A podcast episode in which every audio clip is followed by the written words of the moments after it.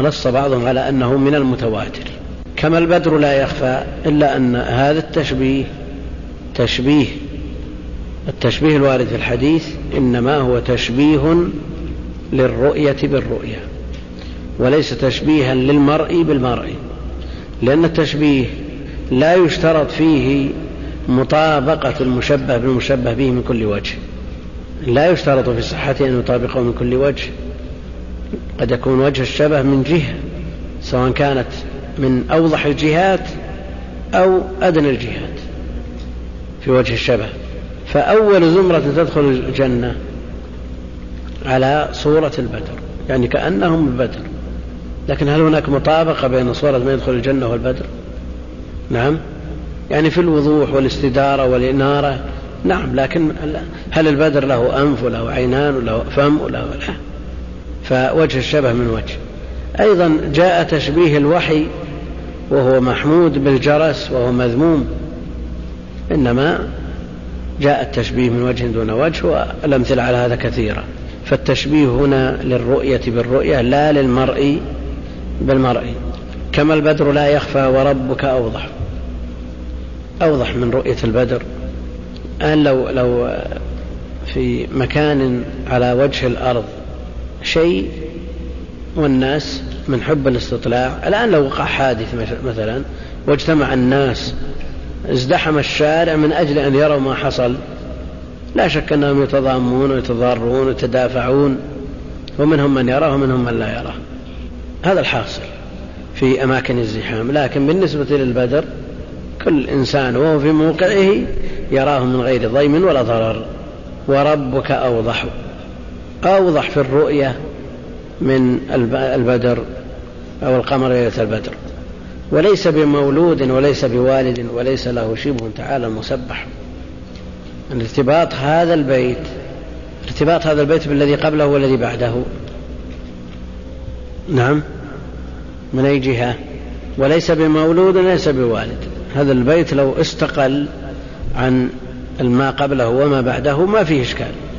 لم يلد ولم يولد ولم يكن له كفوا أحد وليس بمولود وليس بوالد وليس له شبه تعالى المسبح لكنه وقع بين بيتين مرتبطين أولهما في وجوب إثبات الرؤية والثاني في إنكارها. فهل له ارتباط بمسألة الرؤية؟ نعم. وليس له شبه تعالى مسبح لكن ليس بمولود وليس بوالد. ما ارتباطها بمسألة الرؤية؟ نعم. تشبيه إيش؟ كما البدر لا يخفى وربك أوضح. هذا تشبيه للرؤية بالرؤية. لأن التشبيه دخل على الرؤية كما ترون. نعم. فهو تشبيه للرؤية. وبعد ذلك قال وليس بمولود وليس بوالد. ارتباط ليس بمولود وليس بوالد. يعني لو جاء البيت متأخر عن المسألة بجميع ما, ما فيها من أبيات سهل. يعني ما بحثنا عن ارتباط. لكن البيت وقع بين بين بيت فيه إثبات الرؤية لله جل وعلا وإنكار الجهمية لها ودليل ثبوت الرؤية. وما بعد عرض لمن ينكر الرؤية. هو الآن قرر وقل يتجلى الله للخلق جاردا كما كما البدر لا يخفى وربك أوضح وليس بمولود وليس بوالد. نعم. نفي المشابهة وليس بوالد. نعم. في كون الوالد والولد يرى. يعني لما وقع التشبيه في الحديث تشبيه رؤية الباري برؤية القمر قد يتخيل أو يتوهم الإنسان أنه ما دام القمر يولد وما دام يرى فالوالد يرى ويولد ويلد فأنا أراد أن ينفي هذا. لكن هذا فيه شيء من البعد. هذا ما يسلم من تكلف. يسلم هذا من تكلف. لماذا نص على نفي الولادة مثلا؟ هنا ما نص على نفي الشبيه ما نص على نفي النظير ما نص على أنا أريد ما يربط هذا البيت بالذي قبله وما بعده. نريد رابط ظاهر ما نريد شيء فيه تكلف أو تعسف. اللهم إلا إذا لم نستطع نستطع لأن النسخ تتفق على أن هذا موضع هذا البيت. نعم. يعني ما يظهر ارتباط بين قوله وليس بمولود وليس بوالد وليس له شبه تعالى المسبح. يعني مفاد الكلام أن أن البيت الأول الذي فيه التشبيه تشبيه الرؤية بالرؤية قد يخيل الإنسان أن أن فيه ضرب من التشبيه الخالق بالمخلوق. قد يتوهم السامع هذا الكلام. فأراد أن ينفي التشبيه من وجه آخر في الولدية والوالدية. ليس له ليس بمولود وليس بوالد كما هو في كما هو شأن الخلق. فإذا كان فإذا خالف الخلق في هذا أنه ليس بمولود وليس بوالد خالفهم في بقية الصفات. خالفهم في بقية الصفات. هذا لا شك فيه وجه شبه لكن لو جيء بغير هذا المنفي يكون نفس الكلام الذي نقوله. البيت الأول في إثبات صفة الرؤية وتشبيه الرؤية بالرؤية يعني التمثيل تمثيل رؤية الباري برؤية القمر تمثيل الرؤية بالرؤية. يعني أراد أن يقرر أنه لا وجه شبه بين المخلوق والخالق بنفي أخص ما للمخلوق من صفات وهي منفية عن الله جل وعلا ويكون والد أو مولود.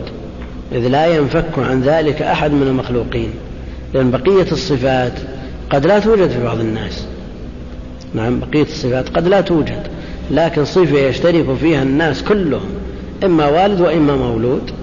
والله جل وعلا ليس بمولود وليس بوالد. فإذا انتفت هذه الصفة الموجودة في جميع الناس فلا أن ينتفي الصفات التي لا يشترك فيها جميع الناس من باب أولى. وهذا لا يسلم بعد من شيء من التكلف. وعلى كل حال البيت هكذا وجد. وليس بمولود وليس بوالد وليس له شبه تعالى المسبح.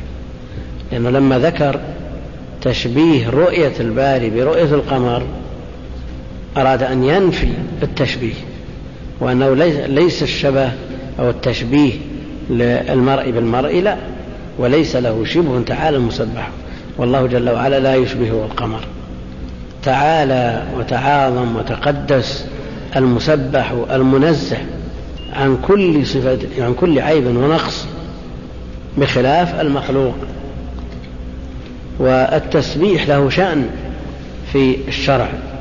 ومن الباقيات الصالحات سبحان الله ومن قال في يوم سبحان الله بحمده مئة مرة حطت عنه خطاياه. وإن كانت مثل زبد البحر. وعلى كل حال التسبيح جاء الحث عليه كبقية الأذكار والجمل الأربعة المعروفة. لكن التسبيح معناه التنزيه لله جل وعلا عن جميع ما لا يليق به. وقد ينكر الجهمي هذا وعندنا. قد قد وتدخل على الماضي للتحقيق وتدخل على المضارع وقد تكون للتقليل وقد تكون للتحقيق أيضا. وقد تكون للتكثير. قد يعلم الله المعوقين هذا تحقيق وليس بتقليل. وهنا تحقيق ينكر الجهمي هذا يعني الرؤية. ينكر رؤية الباري والذي ينكر الرؤية الذي ينكر الرؤية. ولا يستطيع أحد أن يتألى على الله جل وعلا لا سيما والمسألة مسألة. كبيرة إنكار الرؤية كفروا بسببها كفر الجهمية بسببها إضافة إلى تكفيرهم بالقول بخلق القرآن. مثل هذا الذي ينكر الرؤية الذي يغلب على الظن والعلم عند الله تعالى أنه يحجب عنه. ومن ينفي الصفات عموما على خطر عظيم على خطر عظيم لأن الله جل وعلا في الموقف يتجلى لخلقه بغير صفته التي أنزلها في كتابه وعلى لسان نبيه عليه الصلاة والسلام. ثم يقولون لست ربنا. ثم يتجلى لهم بصفته فيسجدون. نعم أنت ربنا. فالذي ينكر الصفات ماذا يصنع في هذا الموقف؟ الذي ينكر الصفات ماذا يصنع؟ كيف يعرف الرب جل وعلا وهو لا يعترف, يعترف بشيء من صفاته؟ إذا كان الجزاء من جنس العمل. الذي يشرب الخمر في الدنيا لا يشربها في الآخرة. الذي يسمع الغنى في الدنيا لا يسمع غناء الحور العين. وهذه في أمور يسيرة وسهلة بالنسبة لما يتعلق بالله جل وعلا. فالذي ينفي رؤية الباري خليق وجدير بأن يحجب عنها والذي ينكر الصفات كيف يعرف ربه إذا تجلى له في صفاته بصفاته التي جاءت عنه عن رسوله عليه الصلاة والسلام. فالمسألة ليست سهلة. وهذا الحديث بالنسبة للمبتدعة شأن عظيم. لو قيل لك استقبل فلان بالمطار. هذا مثال لا شيء بالنسبة لما لما جاء في صفات الله جل وعلا. استقبل فلان بالمطار. ثم طلعت تستقبله وسألت اللي قال لك استقبل طويل قصير سمين نحيف وش تقول؟ والله ما أدري. طلع للمطار ونزلوا الناس من الطائرة. ما هي من يستقبل؟ وش اسمه؟ علشان نادي عليك قال والله ما أعرف اسمه. واحد بيجينا من بلد كذا. كيف يستقبله هذا؟ كيف يعرف من بين الناس؟ فإذا كان الله جل وعلا وتقدس عرفنا بصفاته في كتابه وعلى لسان نبيه عليه الصلاة والسلام. نعرف أن له هذه الصفات. فالذي ينكر هذه الصفات كيف يعرفه بهذه الصفات؟ إذا تجلى بالصفات التي أنزلها في كتابه وعلى لسان نبيه عليه الصلاة والسلام. المثال اللي ذكرناه مثال تقريبي ولا ما؟ لا نشبه الله بخلقه. لكن هو تشبيه للمعرفة بالمعرفة لا المعروف بالمعروف. هذا الذي طلع من المطار لا يعرف اسمه ولا يعرف لونه. ولا طوله ولا حجمه ولا عرضه ولا أي صفة من صفاته. كيف يستقبله المطار هذا؟ يستطيع؟ انزلوا الناس أفواج من الطائرة ما يعرف يرجع بدون وهذا الذي ينكر الصفات إذا تجلى الله جل وعلا لعباده يوم القيامة كيف يعرف؟ فالمسألة جد خطيرة. وقد ينكر الجهمي هذا وعندنا ينكر الجهمي هذا ويشترك مع الجهمية في إنكار الرؤية. وهي من عظائم الأمور آه، المعتزلة والخوارج. الخوارج ينكرون الرؤية فالإباضية يقولون بخلق القرآن وينفون الرؤية كقول الجهمية والمعتزلة نسأل الله السلامة والعافية. وتداخلت المذاهب وتأثر بعضها ببعض فالإباضية الخوارج تأثروا بالمعتزلة الرافضة أيضا تأثروا بالاعتزال الزيدية شابه شيء من الاعتزال. بل وافقوا المعتزلة في كثير من القضايا وهذه عقوبات لذنوب بعضها يجر بعض وإلزامات مع التزامات وقد سلم منها من وفقه الله جل وعلا للاعتقاد الصحيح. وقد ينكر الجهمي هذا يعني مسألة الرؤية وعندنا في مصداق ما قلنا حديث مصحح. هذا في نسخة آه، دمشق الطبعة الأولى. وفي نسخة الشيخ رشيد رضا حديث مصرح وهو حديث بالفعل مصحح ومصرح به أو أو مصرح فالحديث صحيح صريح. صحيح صريح في الصحيحين وغيرهما. وعندنا بمصداق ما قلنا حديث مصحح أو مصرح مصرح رواه جرير.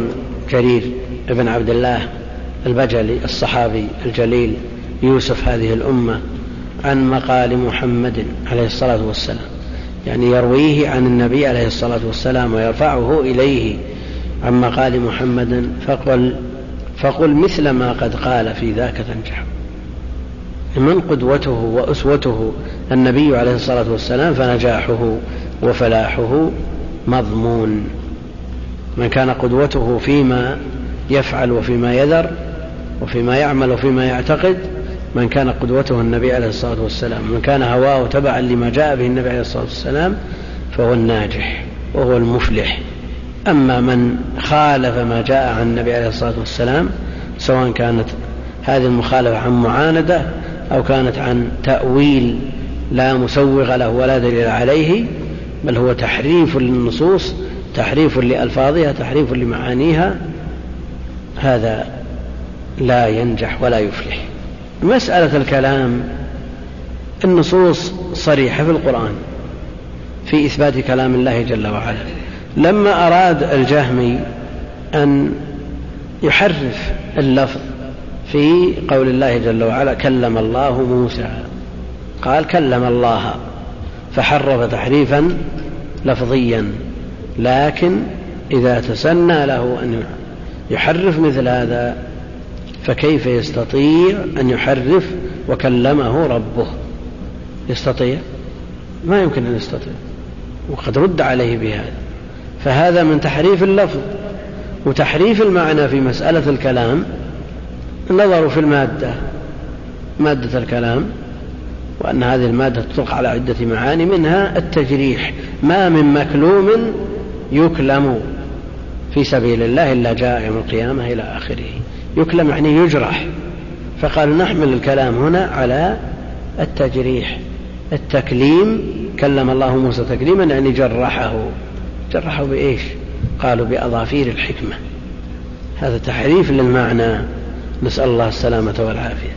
فعلى الإنسان أن أن يعتقد هذا الاعتقاد الصحيح وأن يلهج بدعاء الله جل وعلا أن يثبته عليه لا أن يتوفاه عليه.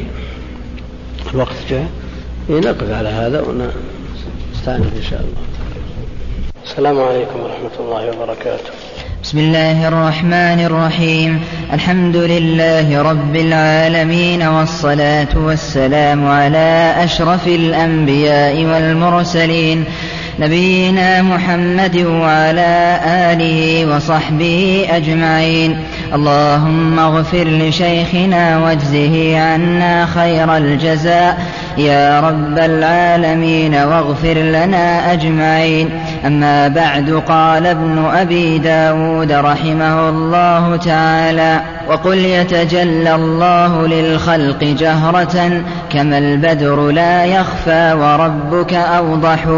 وليس بمولود وليس بوالد وليس له شبه تعالى المسبح. وقد ينكر الجهمي هذا وعندنا بمصداق ما قلنا حديث مصرح.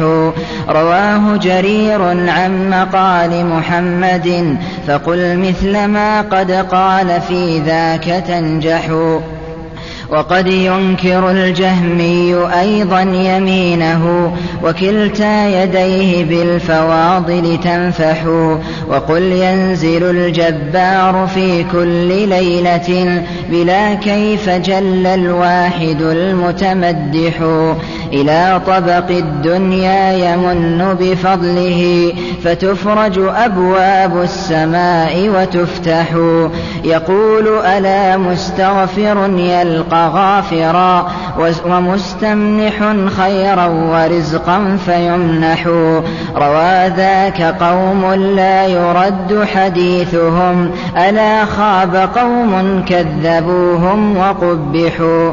وقل إن خير الناس بعد محمد وزيراه قدما ثم عثمان الأرجح ورابعهم خير البرية بعدهم علي حليف الخير بالخير منجح وإنهم للرهط لا ريب فيهم على نجب الفردوس بالنور تسرح. سعيد وسعد وابن عوف وطلحة وعامر فهر والزبير الممدح. وقل خير قول في الصحابة كلهم ولا تك طعانا تعيب وتجرح. فقد نطق الوحي المبين بفضلهم. وفي الفتح آي للصحابة تمدح. الحمد لله رب العالمين وصلى الله وسلم وبارك على عبده ورسوله نبينا محمد وعلى آله وصحبه أجمعين. أما بعد فقد مضى الكلام في الرؤية في درس الأمس إلا أنه لم يقرأ من قبل القارئ فقرأه وجزاه الله خيرا. وقفنا على البيت العاشر وفيه يقول الناظم رحمه الله تعالى وقد ينكر الجهمي أيضا يمينه وكلتا يديه. بالفواضل تنفح في بعض النسخ تنضح رواه جرير. يقول إن البيت التاسع الذي فيه الدليل على الرؤيا يقول بعض الاخوان ما شرح والدليل حديث جرير بن عبد الله البجلي هذا ورد أثناء الشرح ولا يتضمن أكثر من الدليل. يقول رواه وقد ينكر الجهمي هذا وعندنا بمصداق ما قلنا حديث مصرح. في بعض النسخ مصحح. وكلاهما جائز صحيح. فالحديث صحيح وأيضا صريح. صحيح من حيث الثبوت صريح في الدلالة. رواه جرير وجرير بن عبد الله البجلي يوسف هذه الأمة عن مقال محمد صلى الله عليه وسلم فقل مثل ما قد قالوا. فقل مثل ما قد قال النبي عليه الصلاة والسلام ومن قال بقوله من يعتقد هذا المعتقد الصحيح في ذاك تنجح تنجح في الدنيا والآخرة. ثم قال وقد ينكر الجهمي أيضا يمينه وكلتا يديه بالفواضل تنفح في نسخة تنضح. نسخة الدمشقية تنضح. قد ينكر الجهمي قد هذه معروف أنها إذا دخلت على الماضي فهي حرف تحقيق وإذا دخلت على المضارع فهي للتقليل أحيانا وقد تكون للتحقيق وقد تكون للتكثير. وهنا للتحقيق فالجهمي ينكر تحقيقا لا ظنا وليس بقليل من قوله بل هو المعتمد عنده. الجهمي المنسوب إلى الجهم بن صفوان رأس المعطلة الذي أخذ التعطيل عن الجعد بن درهم إمامهم ومقدمهم في هذا الشأن إلا أن الجهم هو الذي نشر المذهب. وشهره ونظره واستدل له ونافح عنه فنسب المذهب إليه. قد ينكر الجهمي أيضا إضافة إلى ما تقدم من أن كلام الله جل وعلا صفة من صفاته وأنه منزل غير مخلوق. قد ينكر أيضا مثل ما أنكر الرؤية ينكر الصفات الصفات الذاتية والفعلية من باب أولى. فينكر الصفات الذاتية ومنها اليمين. ذكر مثالا لها اليمين واليمين المراد بها اليد التي هي في جهة اليمين وكلتا يديه يمين وكلتا يديه يمين وجاء في بعض النصوص الأخرى وفي بعضها بشماله ولا تعارض بين هذه الروايات. فقوله عليه الصلاة والسلام كلتا يديه يمين لئلا يتوهم النقص لأن الشمال بالنسبة للمخلوق أنقص من اليمين. فلئلا يتصور أن هناك في يد الباري جل وعلا الأخرى نقصا قال كلتا يديه يمين من حيث الكمال من حيث الكمال. ويعبر عنها بالأخرى لأن النسبة إلى الجهات أمر نسبي أمر نسبي. فما يكون عن جهة اليمين يسمى يمين وما يكون عن جهة الشمال يسمى شمال. فيقال لها أخرى ويقال لها أيضا كما جاء في الحديث شمال. ولا مانع من إطلاق الشمال باعتبار الموقع فموقعها مقابل لجهة اليمين. ولا مانع من هذا وتبقى أنها من حيث الكمال كلتا يديه يمين. يعني كلتاهما كاملة لا نقص في إحداهما كما في أيدي البشر البشر يدهم اليسرى والشمال هذه ناقصة بالنسبة لليمنى. هذا عند كثير من الناس عند أكثر جل الناس وغالبهم. ليست في القوة بمثابة اليمنى وأيضا اليمنى تصان عما لا تصان عنه الشمال إلى غير ذلك فهي محل للنقص. ولذا قال النبي عليه الصلاة والسلام وكلتا يديه يمين وقد ينكر الجهمي أيضا يمينه. والمراد بذلك إثبات اليد لله جل وعلا على ما يليق بجلاله وعظمته على ما يليق بجلال الله وعظمته المعتزلة الجهمية والمعتزلة الذين ينفون الصفات والأشاعر الذين ينفون أكثر الصفات توهموا التشبيه. أول ما وقر في قلوبهم التشبيه. فهم شبهوا أولا شبهوا الخالق بالمخلوق ولا يعقلون من معنى اليد إلا يد المخلوق. وما دامت اليد يد المخلوق وما يذكر في لفظها مثلها في اللفظ ما يوافقها في اللفظ يوافقها في الصفة والكيفية. هذا ما هجم على أذهانهم فجعلهم يزعمون تنزيه الله جل وعلا بنفيها فينفون ما ثبت بالنصوص القطعية.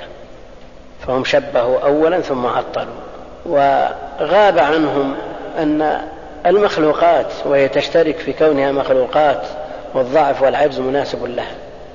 لها أيدي. فالإنسان له يد والحيوان له يد أنواع الحيوان لها أيدي. الجمل له يد والثور له يد والكلب له يد والقرد له يد والخنزير له يد وجميع الحيوانات لها أيدي. لكن هذه الأيدي بالنسبة للحيوانات المشتركة في الخلق والضعف هل هي واحدة؟ هل يشبه بعضها بعضا؟ نعم لا يشبه بعضها بعضا. فإذا كان هذا التباين بين ما ينسب للمخلوق مع الاشتراك في الخلق والعجز والضعف هذا التباين الشديد. يعني هل يد النملة مثل يد البعير؟ يمكن. وهل وجه القرد مثل وجه الإنسان؟ أو الوجه الجراد مثلا مثل وجه الجمل؟ ابن خزيمة رحمه الله تعالى ويقرر إثبات الوجه لله جل وعلا ويرد على المعطلة بذريعة أو شبهة التنزيه لله جل وعلا لأنهم إذا أثبتوا الوجه على حد زعمهم فالله جل وعلا يشبه المخلوق من هذه الحيثية. ويرد عليهم بمثل هذا. يقول المخلوق له وجه وسائر المخلوقات لها وجه الإنسان له وجه والكلب له وجه والحمار له وجه فتشابه هذه الوجوه. وهذا بين المخلوقات المتشابهة في الخلق والعجز والضعف فكيف بالتباين الذي بين الخالق والمخلوق الذي بين الخالق والمخلوق. فما وصلوا إلى رتبة التعطيل إلى أن مروا بقنطرة التشبيه ويؤولون اليد أحيانا بالقدرة وأحيانا بالنعمة. وإذا أمكنهم تأويل ما يجيء من ذلك مفرد فكيف يمكنهم تأويل المثنى؟ بيدي. لما خلقت بيدي. المثنى لا يمكن تأويله. هل يستطيعون أن يقولوا بنعمتي ونعم الله لا تعد ولا تحصى؟ هل يمكن أن يقولوا بقدرتي؟ والله على كل شيء قدير قادر على كل شيء وقدرته واحدة قدرته واحدة. وله من الصفات القدرة ومن الأسماء القدير. وكلتا يديه يقول الناظم وكلتا يديه في حديث أبي ذر القدسي لو أن أولكم وآخركم يا عبادي لو أن أولكم وآخركم وإنسكم وجنكم واحد وسألوني وأعطيت كل واحد مسألته ما نقص ذلك من ملكي شيئا فإذا أعطى هؤلاء الخلق كلهم من أولهم إلى آخرهم. إنهم وإنسهم أعطى كل واحد ما ما تبلغه أمانيه ما نقص ذلك من ملكه شيئا. فإذا أعطى هؤلاء الخلق كلهم من أولهم إلى آخرهم. إنهم وإنسهم أعطى كل واحد ما ما تبلغه أمانيه ما نقص ذلك من ملكه شيئا. ومر بنا حديث آخر من يدخل الجنة. آخر من يخرج من النار ويدخل الجنة أنه يقال له فتعجز به الأماني ما بده يتمنى لكن ما ما يحيط بأعظم شيء يتمناه فيذكر فيقال وتمنى ملك أعظم ملك في الدنيا تمنى ملك سليمان ولا ملك ذي القرنين الذي بلغ المشرق والمغرب فيرضى بذلك فيقال له لك وعشرة أمثاله فنعم الله لا تنفت ولا تعد ولا تحصى. ويداه مبسوطتان وكلتا يديه بالفواضل جمع فاضلة وهي الأمور المحبوبة والمطلوبة للناس تنفح والنفح الإعطاء وفي النسخة الأخرى تنضح والنضح كذلك النضح كذلك. وقل ينزل الجبار في كل ليلة وقل ينزل الجبار في كل ليلة بلا كيف جل الواحد المتمدح. حديث النزول وأن الله جل وعلا ينزل في الثلث الأخير من الليل قريبا من ثلاثين صحابيا. وشيخ الإسلام رحمه الله أورد هذه النصوص والروايات وأوردها غيره وشرح الحديث في جزء معروف مشهور متداول. ويجيب شيخ الإسلام على سائر الإشكالات. لأن أولا صحته مقطوع بها صراحته لا خفاء ولا غبش فيها لكن أورد عليه إشكالات من حيث معارضته لأحاديث لنصوص العلو فاستدل به من يستدل من أهل العلم على صفة على العلو لله جل وعلا. لأن الذي ينزل هو إيش؟ العالي. الذي ينزل هو من في العلو. من في جهة العلو هو الذي ينزل. قالوا أن حديث النزول ينافي صفة صفة العلو لله جل وعلا.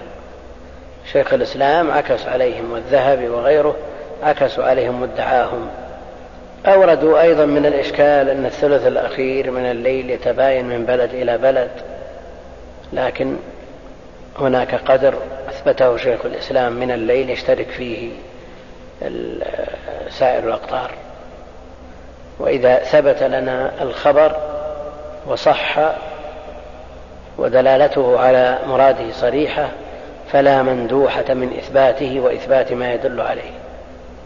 لهذا الوقت وقت النزول الإلهي الذي ينزل فيه الرب جل وعلا إلى سماء الدنيا ويقول هل من مستغفر فأغفر له هل من تائب فأتوب عليه هل من سائل فأعطيه تتعرض لهذه النفحات في هذا الوقت المحدد. ولا تقول فاتني الثلث الأخير بالنسبة لبلدي.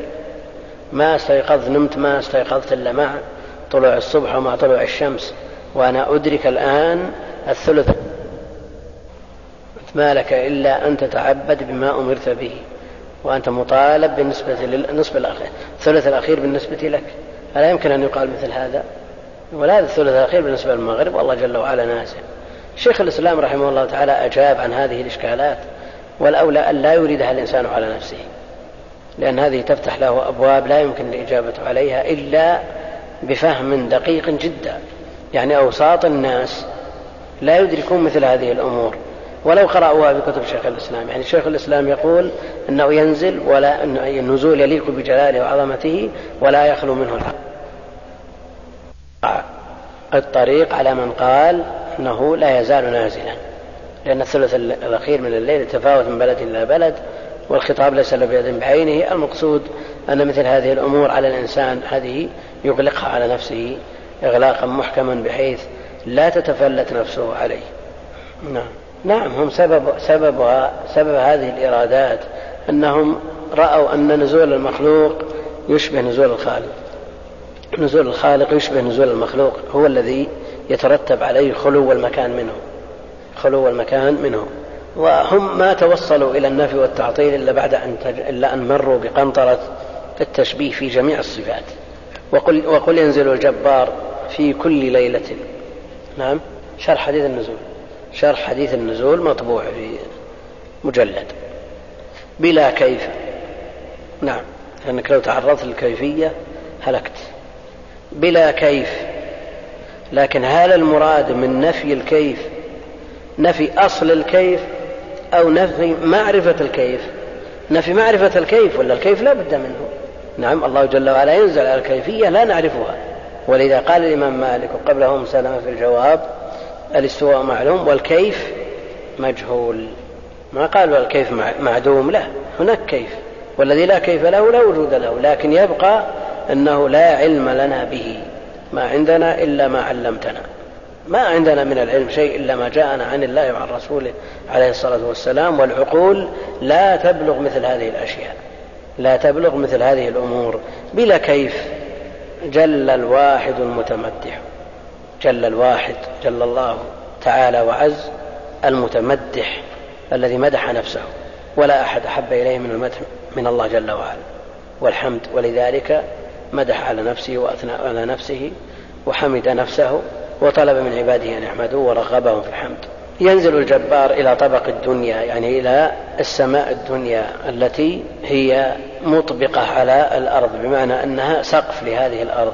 الدنيا من السبع يمن بفضله يمن بفضله يجود بفضله. والمان هو الذي يعطي قبل السؤال هو الذي يعطي قبل السؤال يمن ب... ب... بالنوال قبل السؤال.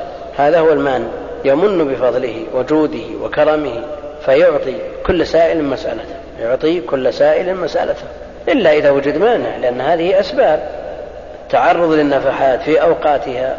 من بذل الأسباب لكن يبقى أنه إن كان هناك مانع تخلف المسبب. يمن بفضله فتفرج أبواب السماء وتفتح. تفرج أبواب السماء وتفتح. لتصعد الكلمات الطيبة من المخلوقين وينزل الخير والبركات من الله جل وعلا. يقول ألا مستغفر؟ ألا هذا عرض تحضيض. ألا مستغفر؟ يلقى غافرا. ألا مستغفر ألا مستغفر فأغفر له. فأغفر له. ألا من تائب فأتوب عليه. يقول ألا مستغفر يلقى غافرا مستمنح خيرا ورزقا فيمنح في نسخة الشام. فأمنح فأمنح. حديث النزول يثبت عن النبي عليه الصلاة والسلام ثبوتا قطعيا لا شك ولا مراء فيه. والنزول مما يجب إثباته لله جل وعلا. وهو من الصفات المتعلقة بالمشيئة ومن الصفات الفعلية بخلاف اليد التي هي من الصفات الذاتية. والفرق بينهما أن ما يتعلق بالمشيئة فعلي وما لا علاقة له بالمشيئة ذاتي. نعم. منتهي بعضها كذا وبعضها كذا بعضها كذا وبعضها كذا المقصود أن هذه هذه الصفة والنزول لله جل وعلا يثبتها أهل السنة قاطبة لا يختلفون في إثباتها لأن دليلها قطعي في الثبوت وفي الدلالة أيضا فلا مفر ولا محيد وأهل البدع يشوشون على الناس بمثل هذه الإشكالات إلى أن وصل الحد إلى الفرية وصل الحد إلى الفرية. فابن بطوطة في رحلته لما وصل دمشق وصلى في الجامع الأموي ذكر أنه رأى شخصا كثير العلم قليل العقل ينزل من المنبر يخطب على المنبر فينزل ويقول إن الله ينزل كنزول هذا. ينزل كنزول هذا يعني شيخ الإسلام ابن تيمية وهذه فرية. لأن الشيخ في وقت دخول ابن بطوطه دمشق مسجون في السجن وهم إذا اعياهم النقض بالحجة ولا حجج لديهم إلا الشبهات إذا اعيتهم المسالك افتروا ونقضوا أصولهم وقواعدهم. فتجدهم يمنعون الاحتجاج بخبر الواحد ولو صح في مسائل الاعتقاد لكنهم إن احتاجوا إليه أثبتوه ولو ضعف ولو كان ضعيفا فيحتجون بالضعيف إذا كان يؤيد حججهم دليل هذا على أنهم لا يتبعون النصوص وإنما يتبعون الهوى. نسأل الله السلامة والعافية. الرحلة هذه رحلة ابن بطوطة هذه مملوءة بالمخالفات العقدية وينبغي لمن يدرس كتاب التوحيد الشيخ محمد بن عبد الوهاب أن يطلع على هذه الرحلة ليجد الأمثلة في المخالفة ليجد الأمثلة في المخالفات لجميع الأبواب من هذه الرحلة. بدءا من الشرك الأكبر إلى الشرك الأصغر. في أشياء لا تخطر على البال. كيف يتصورها مسلم فضلا عن يعتقدها ويقولها على سبيل الإقرار. فهذه الرحلة مشحونة بالخرافات والبدع والشركيات وهو مغرم أيضا بتتبع الآثار والأماكن والقبور والمشاهد وفيها أشياء كثيرة ومغرم أيضا بلقاء من يسميهم الأولياء الذين يدعون ما يدعون من علم الغيب وغيره ويزعمون أنهم يتصرفون في الكون ويزعم لهم ذلك ورحلتهم مملوءة بهذا. نعم؟ إيه مجلد. متداولة وقررت في بعض الجهات مقرر دراسي مقرر يدرس في بعض الجهات هذه الرحلة. مع ذلك فتنة الناس بكتب الرحلات ظاهرة ولا أدل على ذلك من غلاء أثمانها. أسعارها غالية جدا. يعني لو قيل أنها أغلى ما يباع الرحلات والذكريات أغلى ما يباع على مستوى آه، سوق الكتب والوراقين. لا يعني الطبعات الجديدة والأشياء المبذولة لا. لكن تجد أنفس نسخة من صحيح البخاري لا تعادل شيء بالنسبة لطبعة من طبعات ابن بطوطة التي تسمى طبعة يعني ليعتنى بها. ولا الموجود الموجود المصور تجد الرحلة بعشرة ريال عشرين ريال. لكن بيعت الرحلة بخمسة آلاف. نسخة مطبوعة بيعت بخمسة آلاف. وزيد, وزيد على ذلك بعد. يمكن وصلت إلى عشرة. المقصود أن هذه الرحلات والذكريات والإنسان بغنية عنها حقيقة. الرحلات والذكريات التي هي أغلى ما يباع وأغلى ما يقتنى في الأسواق الآن شيء عجب افتتان الناس بها. لأن فيها شيء من التسلية وفيها شيء من المتعة وفيها شيء من وصف الأقطار والبلدان ووصف وغالبا أن الذي يكتبونها آه، محترفين. محترفين في آه، الإبداع الإنشائي يجيدون مثل هذا. فهم يستهون الناس بهذه الأساليب وقد يذكر في أثنائها فوائد علمية بسبب لقاء هذا الرجل الذي صنف الرحلة بغيره من العلم ومناقشته لهم. المقصود أن فيها فيها ما ينفع فيها رحلات نافعة. يعني رحلة ابن رشيد رحلة ابن رشيد اسمها ملء العيبة بما جمع بطول الغيبة. هذه رحلة نفيسة فيها فوائد حديثية لا توجد في كتب المصنفة في علوم الحديث في خمسة مجلدات. وهناك رحلات فيها فوائد لكنها ما تسلم من المخالفات وفيها فوائد وفيها رحلات هي ما فيها إلا اطلاع على آثار ومعالم ومشاهد وما فيها فوائد علمية. ومنها رحلة ابن بطوطة هذه ما فيها فائدة علمية البتة. اللهم إلا إن كانت جغرافية ولا تاريخية صف لك معلم ولا حضارة ولا شيء ممكن. أما بالنسبة للفوائد العلمية فلا شيء فيها. روى ذاك قوم لا يرد حديثهم.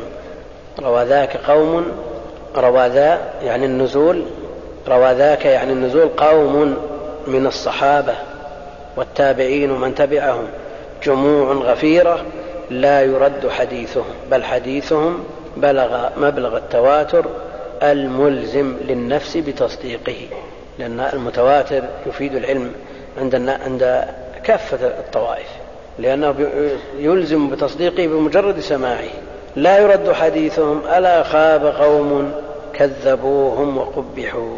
خاب وخسر من كذب هؤلاء من الثقات الأثبات من الصحابة والتابعين فمن بعدهم من تبعهم بإحسان.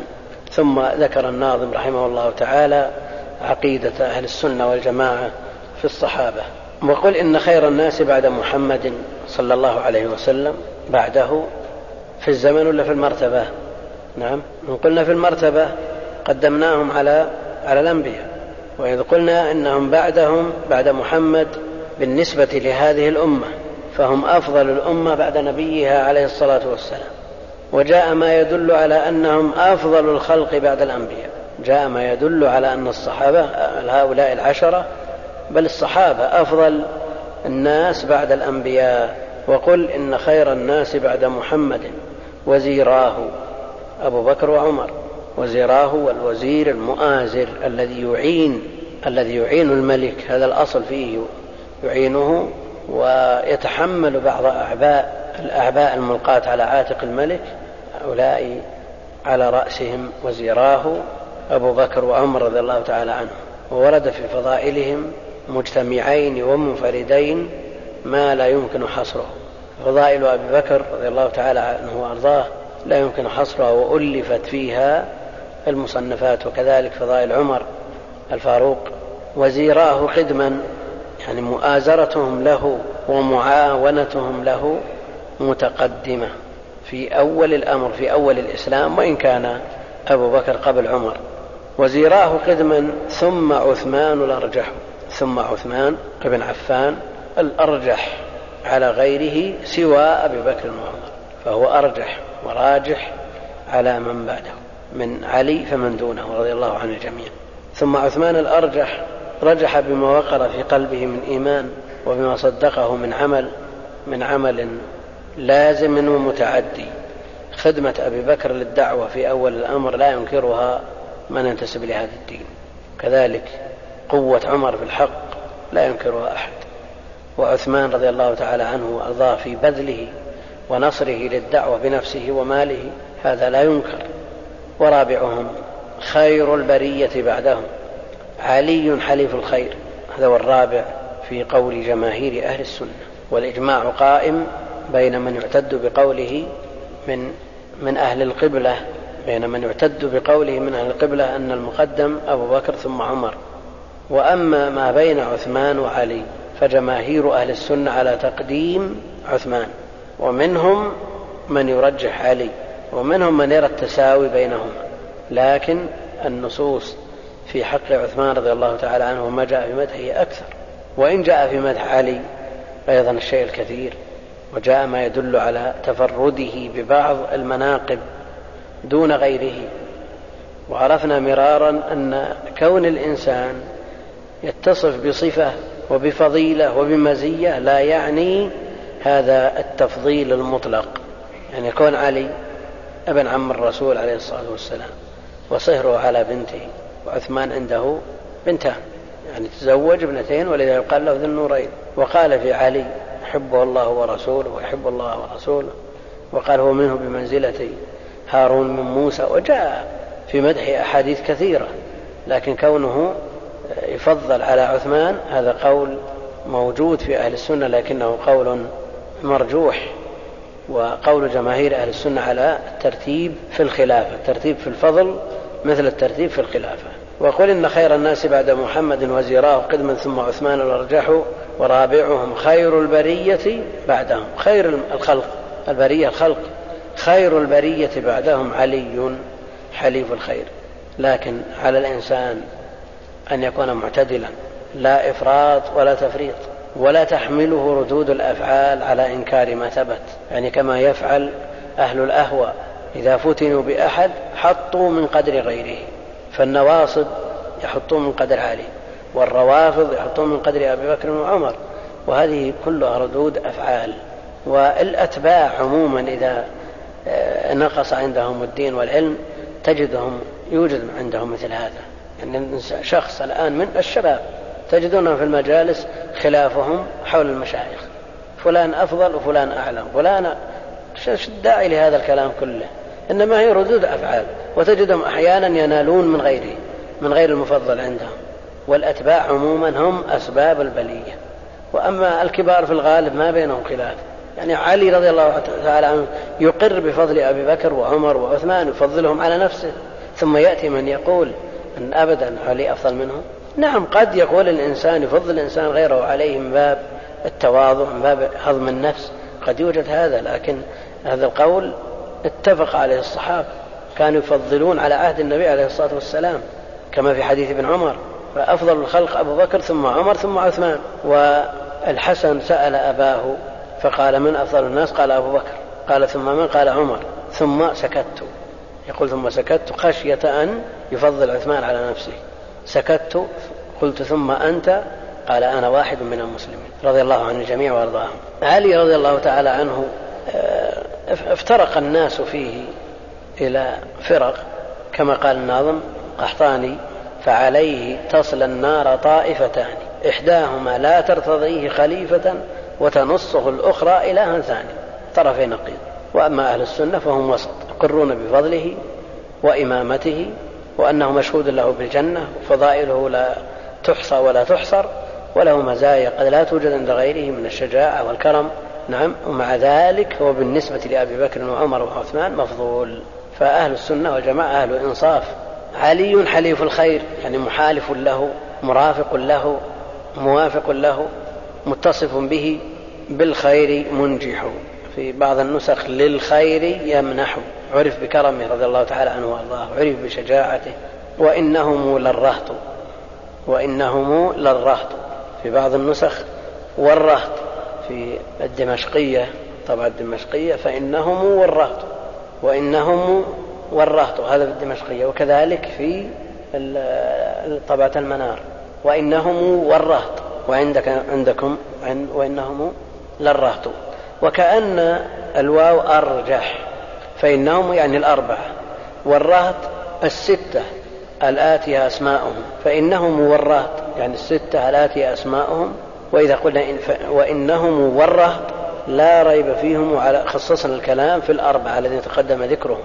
أما إذا قلنا إنهم يعني الأربعة والرهط الآتية أسماءهم لأن الجميع مشهود له بالجنة صار هذا أرجح ليشمل الجميع. وإنهم والرهط لا ريب فيهم لا شك لأن الحديث صح فيهم أنهم من أهل الجنة. فثبت عن النبي عليه الصلاة والسلام أنه قال أبو بكر في الجنة وقال عمر في الجنة عثمان في الجنة علي في الجنة سعيد في الجنة سعد في الجنة إلى آخره إلى آخر العشرة. وإنهم والرهط لا ريب فيهم على نجب الفردوس على النجب جمع نجيبة نجب من العقيان على نجب الفردوس بالنور وفي نسخة في الخلد. تسرح على نجب الفردوس. هذه النجب جمع نجيبة وتطلق على الإبل نجائب الإبل لكنها من عقيان ليست من لحم ودم وعظم لا على نجب الفردوس. فردوس أعلى الجنة وسقفها عرش الرحمن في الخلد في جنة الخلد تسرح الخلد الذي لا ينتهي.